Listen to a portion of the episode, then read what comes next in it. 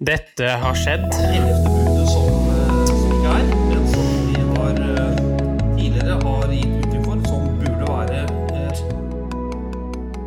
Generation X versus Z. Sandberg Productions presenterer Den ekte samtalen om og med generasjon X og Z. Hold deg fast og nyt. hei, hei, kjære lytter, og hjertelig velkommen til eh, dagens episode av Generation X versus Z. Eh, Og i dag eh, så skal vi ikke langt.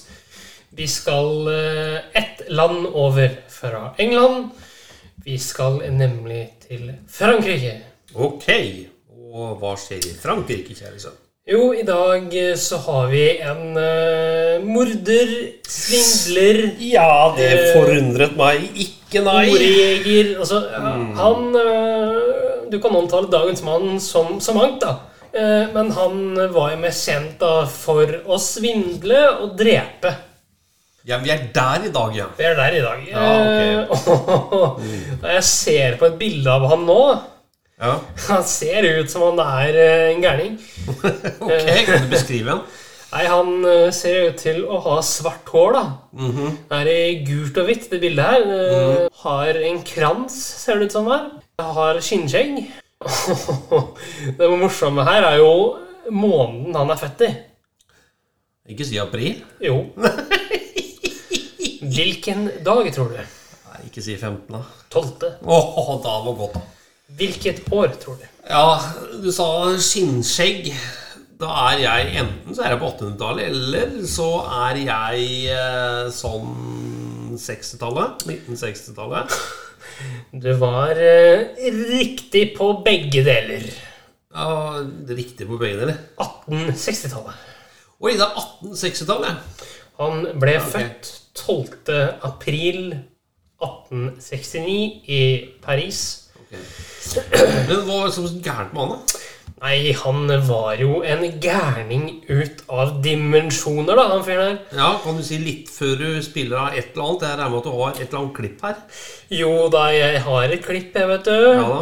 Han eh, ble omtrent like gammel som du er nå. Ah, Han døde veldig tidlig, altså. ja, ung fyr. Ble henrettet ved giljotin i 1922. Ok. Myrda folk, da, eller? Ja, og svindla og løy. Hele spekteret. Men kan vi ikke bare spille av den, ikke? Jo. Advarsel. Historien du nå skal få høre, er basert på virkelige hendelser og inneholder flere grafiske skildringer av vold, drap og tortur. Vi advarer mot sterke inntrykk i deler av episoden.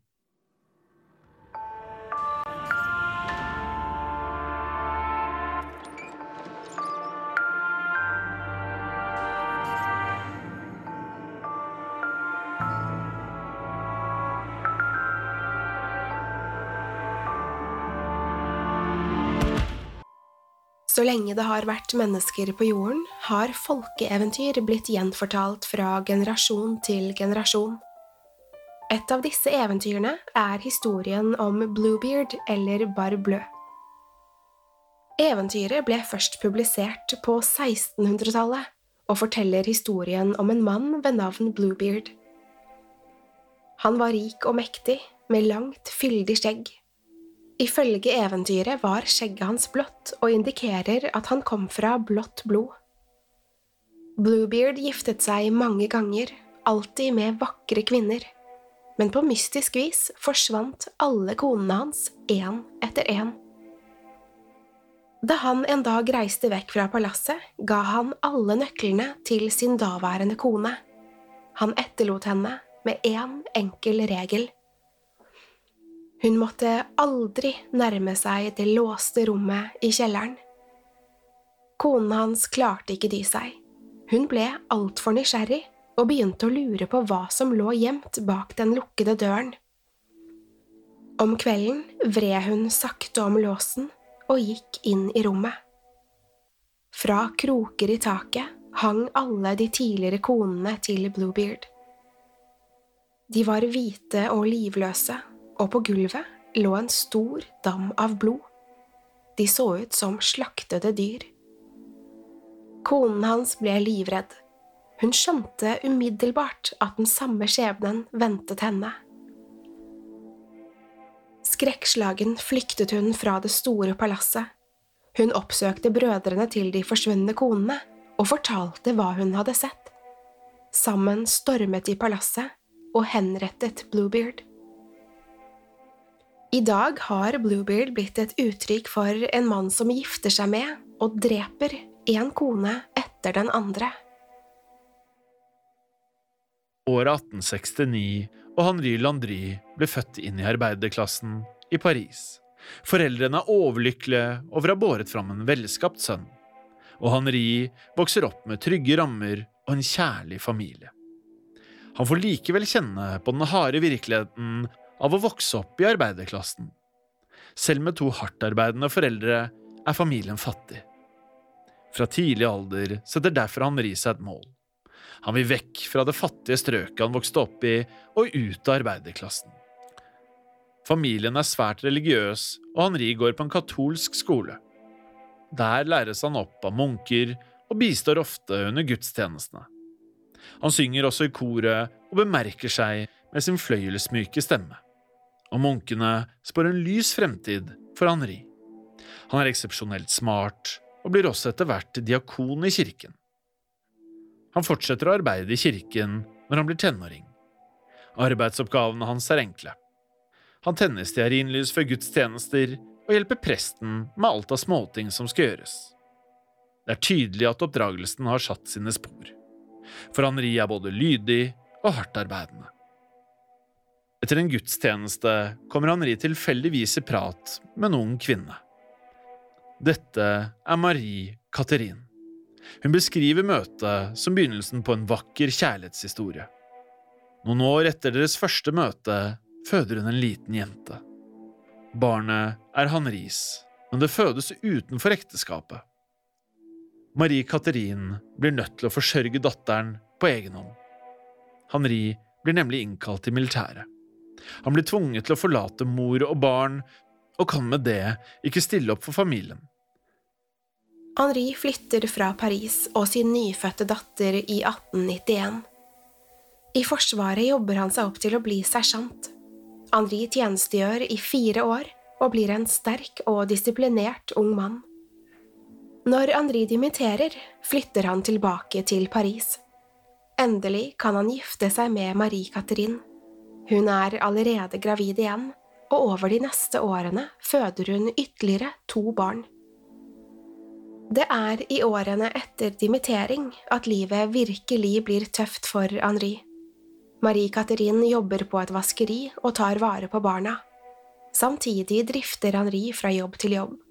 Han ansettes i korte perioder, før han av ulike grunner fordufter og må finne en ny måte å tjene penger på.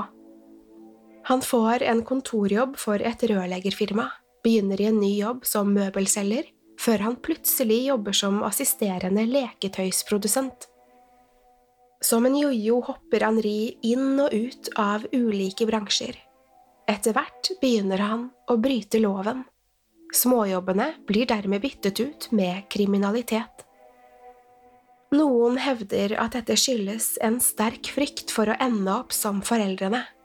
Henri hadde bestemt seg for at han aldri skulle tilbake til fattigdommen, koste hva det koste ville. Andre mener at de kriminelle tendensene var Henris måte å oppnå sin drøm. I ung alder ytrer han nemlig et ønske om å bli en verdensberømt investor. Det var riktignok lite som tydet på at drømmen var i ferd med å gå i oppfyllelse. Det eneste stedet Henri Landry var et kjent navn, var på det lokale politikontoret. Marie Catherine beskriver Henri som et prakteksemplar av en ektemann. Til politiet innrømmer hun imidlertid at Henri er en skjørtejeger. Han har nemlig lett for å snu seg etter andre kvinner, og har vært det helt siden begynnelsen av forholdet deres. Det virker likevel ikke som dette plager Marie Catherine nevneverdig. Hun forguder uansett ektemannen sin. Samtidig som hun er trofast og stødig, forsvinner Henri sakte fra familiebildet. og i 1898 designer han en primitiv motorsykkel som han døper Delandry. Når han viser frem Delandry, får Henri snakke til seg penger fra flere investorer. De tror at han skal bygge en fabrikk for å masseprodusere motorsykkelen. I stedet takket Henri for pengene og brøt all kontakt. Motorsykkelen var ikke det eneste Henri brukte for å svindle folk. Han fant stadig opp nye skrøner og la blant annet en plan for en ny toglinje som skulle gå til nye deler av Paris. Han viste frem skisser av ideene sine med stor iver og håvet inn penger. Prosjektene ble det likevel aldri noe av. Henri tok imot pengene og forsvant igjen og igjen. Og i årevis levde han et liv på rømmen. I denne perioden bodde Marie Katerin og barna i billige, nedslitte leiligheter. Henri kom på sporadiske besøk når det passet ham, helt til han fikk politiet på nakken. Da han sto i en bank og prøvde å svindle en av de ansatte, ble han gjenkjent av en kunde. Henri prøvde å rømme, men snublet på flukt fra politiet. De neste årene ble Henri arrestert ved flere anledninger. Faren hans skjemmes over sønnen sin. Han kan ikke fatte hva som skjedde med gutten han oppdro.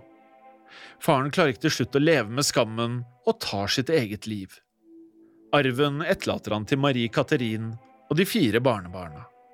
Henri føler at disse pengene rettmessig er hans. Så snart han slipper ut av fengsel i 1912, svindler han sin egen familie. Han tar pengene og drar av gårde. Disse kriminalsakene skal vise seg bare være toppen av isfjellet. Henri har bare så vidt begynt.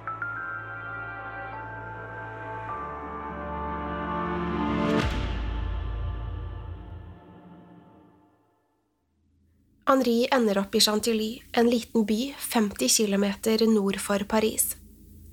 Det er nå gjerningene hans skal nå nye høyder.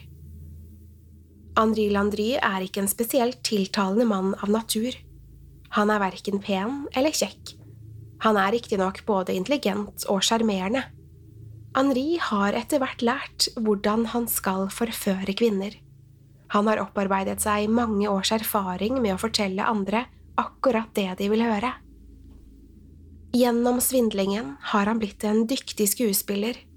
Henri fremstår dermed både overbevisende og karismatisk.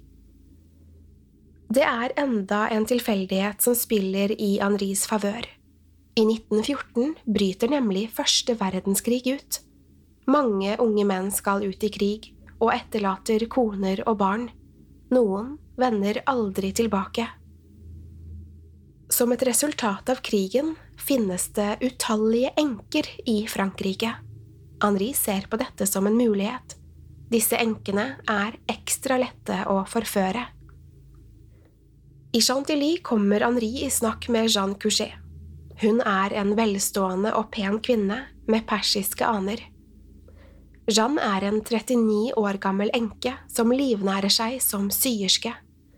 Hun har mørkt, langt hår og gyllenbrune øyne. Henri er rask til å skru på skjermen. Hvis hun gifter seg med han, kan de flytte sammen til Paris. Her lover Henri henne en luksuriøs jobb. Ifølge Henri kan hun få sy eksklusivt undertøy i en dyr klesbutikk. I Paris skal både Jeanne og hennes 17 år gamle sønn André få et respektabelt hjem. Det Jeanne ikke vet, er at Henri fremdeles er gift. Hun vet heller ikke at han har sittet mange år i fengsel på grunn av svindel. Henri har nemlig introdusert seg som en vellykket industrialist under aliaset Monsieur Diard. I Paris flytter Jeanne og sønnen André inn i en leilighet med Henri. Jeanne og Henri har forlovet seg, og André venter på å bli innkalt til å tjenestegjøre i krigen. I 1915 får han brev han har ventet på. André har blitt rekruttert til Forsvaret. Han sender et brev til onkelen sin hvor han deler de gode nyhetene. Han skriver blant annet at han gleder seg til å kjempe for hjemlandet. Dette er siste gang familien hører fra André. André melder seg aldri til tjeneste. Like etter at brevet blir sendt, forsvinner han sporløst. Det samme gjør moren hans. Mannen hun var forlovet med, monsieur Diar, stjeler formuen hennes og forsvinner. For pengene kjøper han seg et hus, han bytter navn og begynner snart å treffe nye kvinner. Flere av disse kvinnene gifter han seg med. De vet ikke at giftermålet er ugyldig, fordi Henri allerede er gift. Han lever flere parallelle liv og forsøker samtidig å opprettholde ekteskapet med Marie Catherine. Henri bygger opp tillit hos kvinnene og kommer med store lovnader om fremtiden. Han har lykkes med å bygge seg opp en enorm formue, og hans nye hjem er praktfullt. Barndomsdrømmen om å komme seg ut av fattigdommen har endelig gått i oppfyllelse. Rundt 1914 legger Henri inn en annonse i avisen. Spalten heter Ensomme hjerter. Under et nytt falskt navn skriver Henri at han er enkemann og på utkikk etter en person å dele livet med. En av dem som svarer, er Celestine Buisson. Hun er en 47 år gammel, velstående og pen enke. Med andre ord et perfekt bytte for Henri. De begynner å utveksle brev før de bestemmer seg for å møtes. Etter bare noen uker er de forlovet. Celestine har lyst til å gifte seg, men Henri utsetter giftermålet. Han skylder på at han har mistet identifikasjonspapirene sine. I tillegg tar han regelmessige forretningsreiser til utlandet som krasjer med bryllupsplanene. Celestine godtar bortforklaringene. Hun vet ikke at årsaken til at Henri ikke har dokumentasjonspapirer, er at han utgir seg for å være en annen. Hun vet heller ikke at han ikke drar på forretningsreiser, men hjem til familien eller til de andre kvinnene han jevnlig treffer. Celestines yngre søster Marie møter Henri flere ganger. Fra første stund har hun en dårlig følelse. Marie er redd for at Henri er en svindler, og at søsteren blir lurt. Hun får mistanken sin bekreftet etter et besøk en vårlig maidag i 1917. Celestine forteller søsteren at Henri har tatt kontroll over økonomien hennes. Marie konfronterer søsteren. Hun sier at Henri bare er ute etter å lure henne.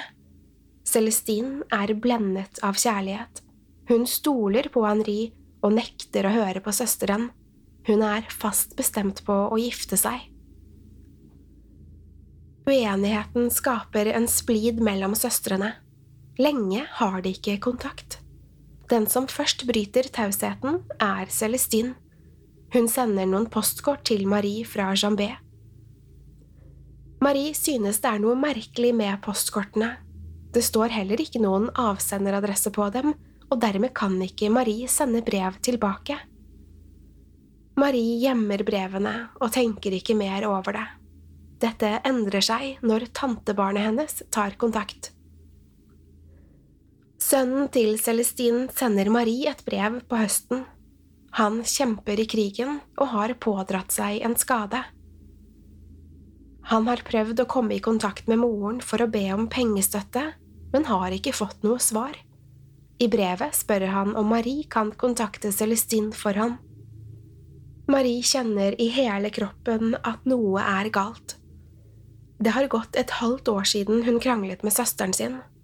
Marie skynder seg å hente frem brevene fra Celestine. Hun sitter lenge og studerer teksten ord for ord. Hun leter frem andre brev fra søsteren og sammenligner dem med hverandre. Det er da hun legger merke til det. Signaturen tilhører ikke Celestine. Brevene må være forfalsket. Marie blir forferdet over funnet. Hun oppsøker Celestines bolig men ingen åpner når hun ringer på. Hun får til slutt tak i byggets vaktmester. Han forteller at han ikke har sett Celestinen sin tidlig på sommeren for ca. et halvt år siden. Men han har sett andre i leiligheten. Han beskriver en mann på nærmere 50 med langt, mørkt skjegg. Sammen med en jevnaldrende kvinne har mannen flere ganger sovet i leiligheten. Vaktmesteren kan også fortelle at den samme mannen har vært innom sammen med en ung gutt Marie blir urolig. Hun gjenkjenner beskrivelsen. Dette må være Henri. Marie samler all informasjon hun makter om søsterens forsvinning men det nytter ikke å gå til politiet.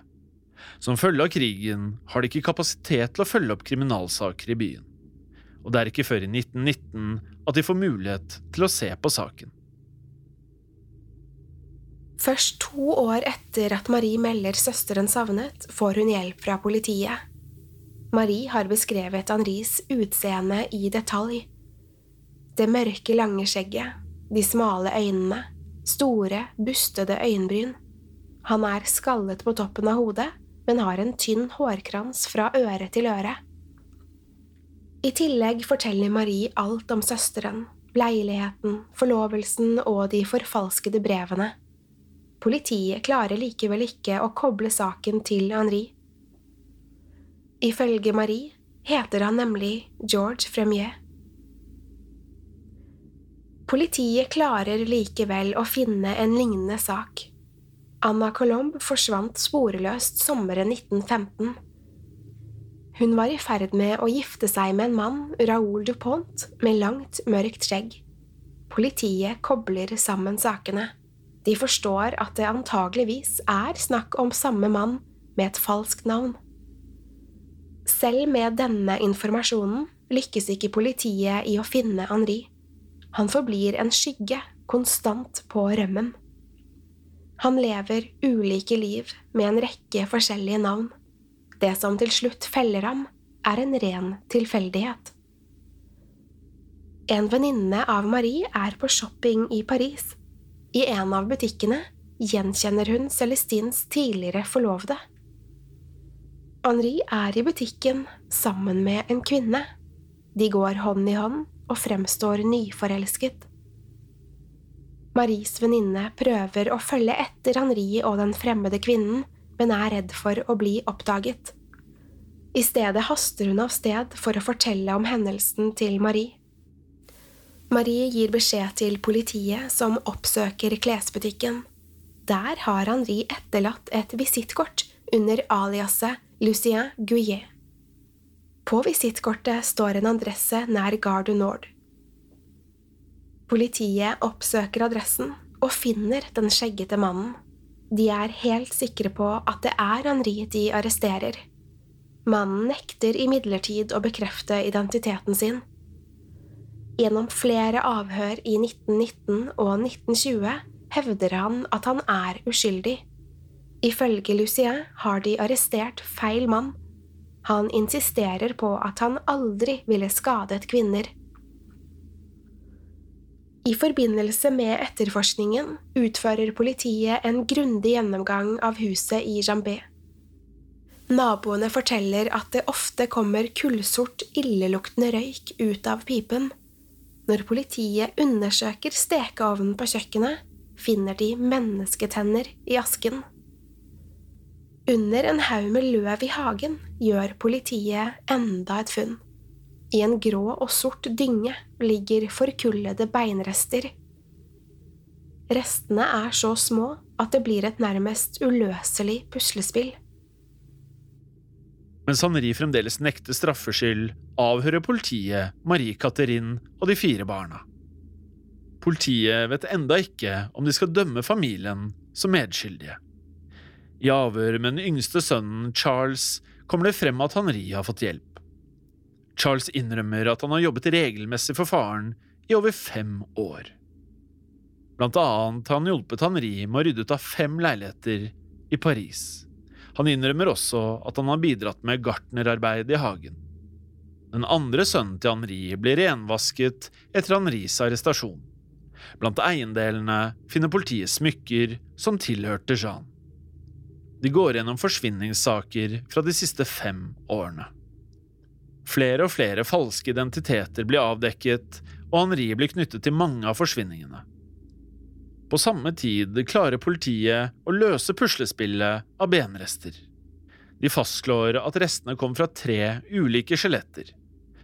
De klarer ikke å knytte skjelettene til kjønn eller identitet, men det rår likevel ingen tvil. De brente benrestene tilhører mennesker. I tiden som kommer, blir det gjort langt flere funn som overbeviser politiet. I boligen til Henri finner de nemlig en dagbok. I boken har Henri notert ned navn og alder på flere titalls kvinner. Det står detaljerte beskrivelser av hvor de bor, hvem de har vært gift med, og hvor stor formue hver av kvinnene har. I boken finner de i tillegg en rekke ulike aliaser som Henri har benyttet seg av. Ved siden av de mange navnene står det historier hvor aliaset kommer fra, hva han driver med, og detaljer om oppveksten. I tilknytning til de ulike aliasene klarer politiet å finne en rekke lagerrom rundt omkring i Paris. Henri står som leietaker ved samtlige av disse. I rommene finner de eiendeler som tilhører de savnede kvinnene. I tillegg finner de annonser og brevvekslinger som Henri har hatt med kvinner gjennom avisspalten Ensomme hjerter. Politiet knytter Henri til hele ti savnede kvinner. I tillegg kobles han til drapet av unggutten André, Jeans tenåringssønn. Etter funnene blir Henri Desiree Landry kjent som The Bluebeard of Jambé. Henri blir beskrevet som en villmann av politiet. De har samlet så mye bevismateriale mot Henri at han ikke har noe å stille opp med. I rettssaken prøver han likevel å bortforklare forsvinningene.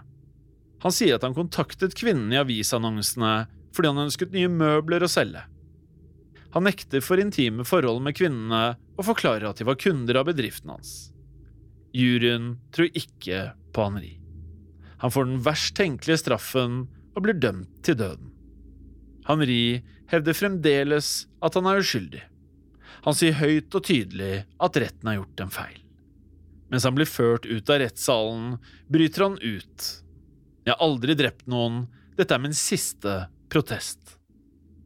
Like før soloppgang den 25. februar 1922 ble Henri Landry halshugget. Hans siste ord er 'jeg skal være modig'. I ettertid har Henri blitt et fenomen.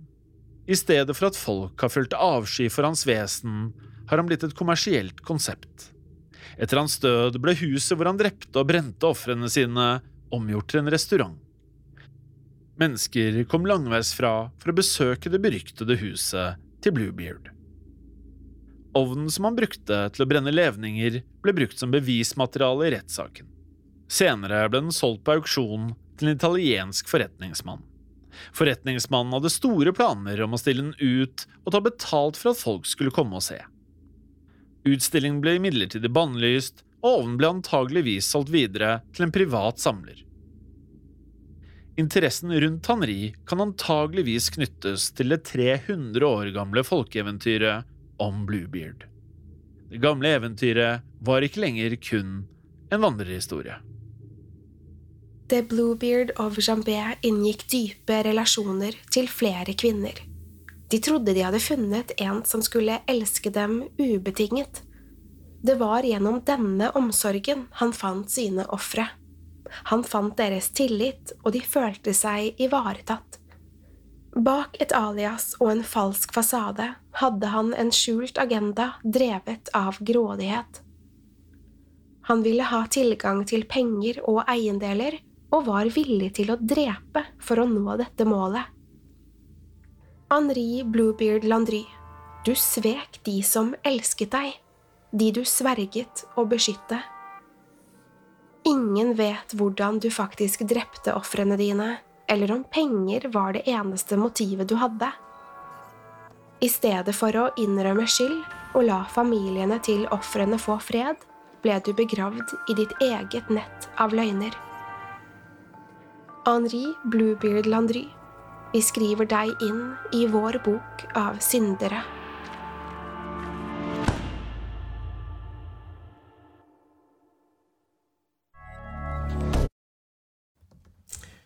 Ja. ja Hva er det som gjør at du liker sånne stories, eh, kjære sønn? Nei, altså, det er så langt unna det jeg får oppleve i livet, da. Ja. Eh, ikke for det. Jeg har opplevd ting som folk sier at eh, jeg ikke burde oppleve. Men det er så langt unna det jeg er kjent med, og det, det jeg har vokst opp med. Og liksom sånne ting at det, det fascinerer meg veldig å vite at sånne ting faktisk har skjedd. Hva i så fall er det som fascinerer eh, mest i sånne historier? Ja, nei, altså det er jo menneskene, da, og metodene og litt sånne ting. Tankene kanskje litt øh, der. Mm. Kan du være litt mer konkret? Ja, altså det er jo modus operandi, altså hvordan de gjør det, rent øh, praktisk. Uh, og så er det som sagt uh, nå nettopp uh, tankesettet. Eh, hva som får dem til å gjøre det, altså motivasjonen. Eh, og så har du jo selvfølgelig eh, typen menneske, da. Ja. Og den eventuelle skiftingen i personlighet som man da gjennomgår ja. Ok. Eh, hvis man gjør de greiene der. Og det har skjedd flere ganger, det. Absolutt. Hadde du noe mer på hjertet i dag, gutten min? Ja da, det stemmer, det.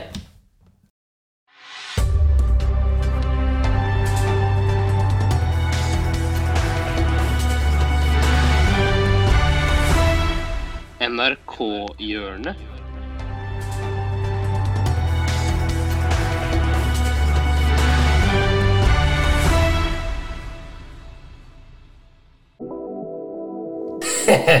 ja da. Ja, fra, fra mord til eh, Ja, fra mord, fra svindel, fra ja Rett og slett fra hele spekteret til humor. Ok. Her er det Vi må ha balanse i sendingene. Eh, Ja da, vi må det. Nå skal vi til en uryddig kameramann. Ja vel. Skal jeg bare kjøre? Kjør på. Thank you. Skal du lykkes som eh, artist i Norge i dag, så er det veldig viktig at du er på lag med Norges feteste Ja, programleder. tre bryter. Vi bryter av. Hva skjedde nå? Ja, Du beveger deg ut av oppgitt posisjon uh, uten at det står i kjøreplanen. ikke sant? Da har ikke jeg noen noe programleder i bildet lenger. Da må jeg bryte av, det skjønner du òg. Ja, men Jeg skulle jo bort til skjermen. Og du skulle bare bort til skjermen, ja? Ja. ja jeg skjønner, nei, men Kanskje vi skal ta oss og legge ut dette programmet her på NRK TV, da? Mm. Og så bare skrive en tekstplakat hvor du skriver 'Du skjønner han skulle bort til skjermen'? Det hadde gjort seg! Det hadde gjort seg. Er, ja, det, det er greit, det. Bare slapp av lite grann. liksom. Slapp av, ja! Det hadde vært litt deilig å slappe av i stedet for å gjøre jobben sin. Var det noe du lærte på programlederskolen, eller, Beier? Nei, det fins ikke noe programlederskole. Og det fins ikke noe pro- Du gjør ikke det, nei? Nei. Det er så Du har ikke noe TV-faglig relevant utdanning i det hele tatt, du. Dessverre. I motsetning til meg, som har en flerkameragrad fra Høgskolen på Lillehammer. Nei, Ja. Det hadde jo vært en idé om å, å latt de kompetente styre showet her, men det, er, det har jeg sagt i mange år nå. Ja. Det er ingen som hører på. Det, er, det er greit, men vi lar den ligge nå. Jeg ok? droppa ikke min drøm om å starte Norges største minigrisfarm for å stå her og bli kjefta på av eh, Martin Beyer-Olsen. For å si det sånn. Det er greit. Du vet det. Ja, ja, det er greit. Ja. Jeg respekterer deg og den rollen du gjør i programmet. Halleluja! Hans Majestet Beyer-Olsen, respektere meg, takk skal De ha! Er det én ting jeg har jobbet for i for 35 år her på NRK-huset, så er det at du skal vise meg respekt, Martin. Det skal du vite. Ok, men da bare du gjør jobben din, og så gjør jeg min, ikke sant? Så er vi ok. Den er fin. Den er litt artig. Bare gjør jobben din. Den er litt fin, Martin. Den er, den er litt artig. Det er faktisk noen som står her med kompetanse som prøver å få dette humorprosjektet ditt opp å stå. Ja, Du trenger ikke bli ufin, da. Det gjør du ikke. Om forlatelse, mademoiselle. Om forlatelse. Ikke kom med faglige innspill som kan gjøre dette programmet bedre. Ikke kom med faglige innspill. Ikke prøv å hjelpe Martin Meyer-Olsen, som er helt hjelpeløs. Vi må gå videre. Vi. Eh, som jeg sa, skal du bli artist i Norge, så er du nødt til å ha med deg kanskje Norges aller feteste programleder. Ja, og han er fra P3. Der skulle du stått, Beyer. Det grønne merket der. Er det det? ja? Der skulle du stått.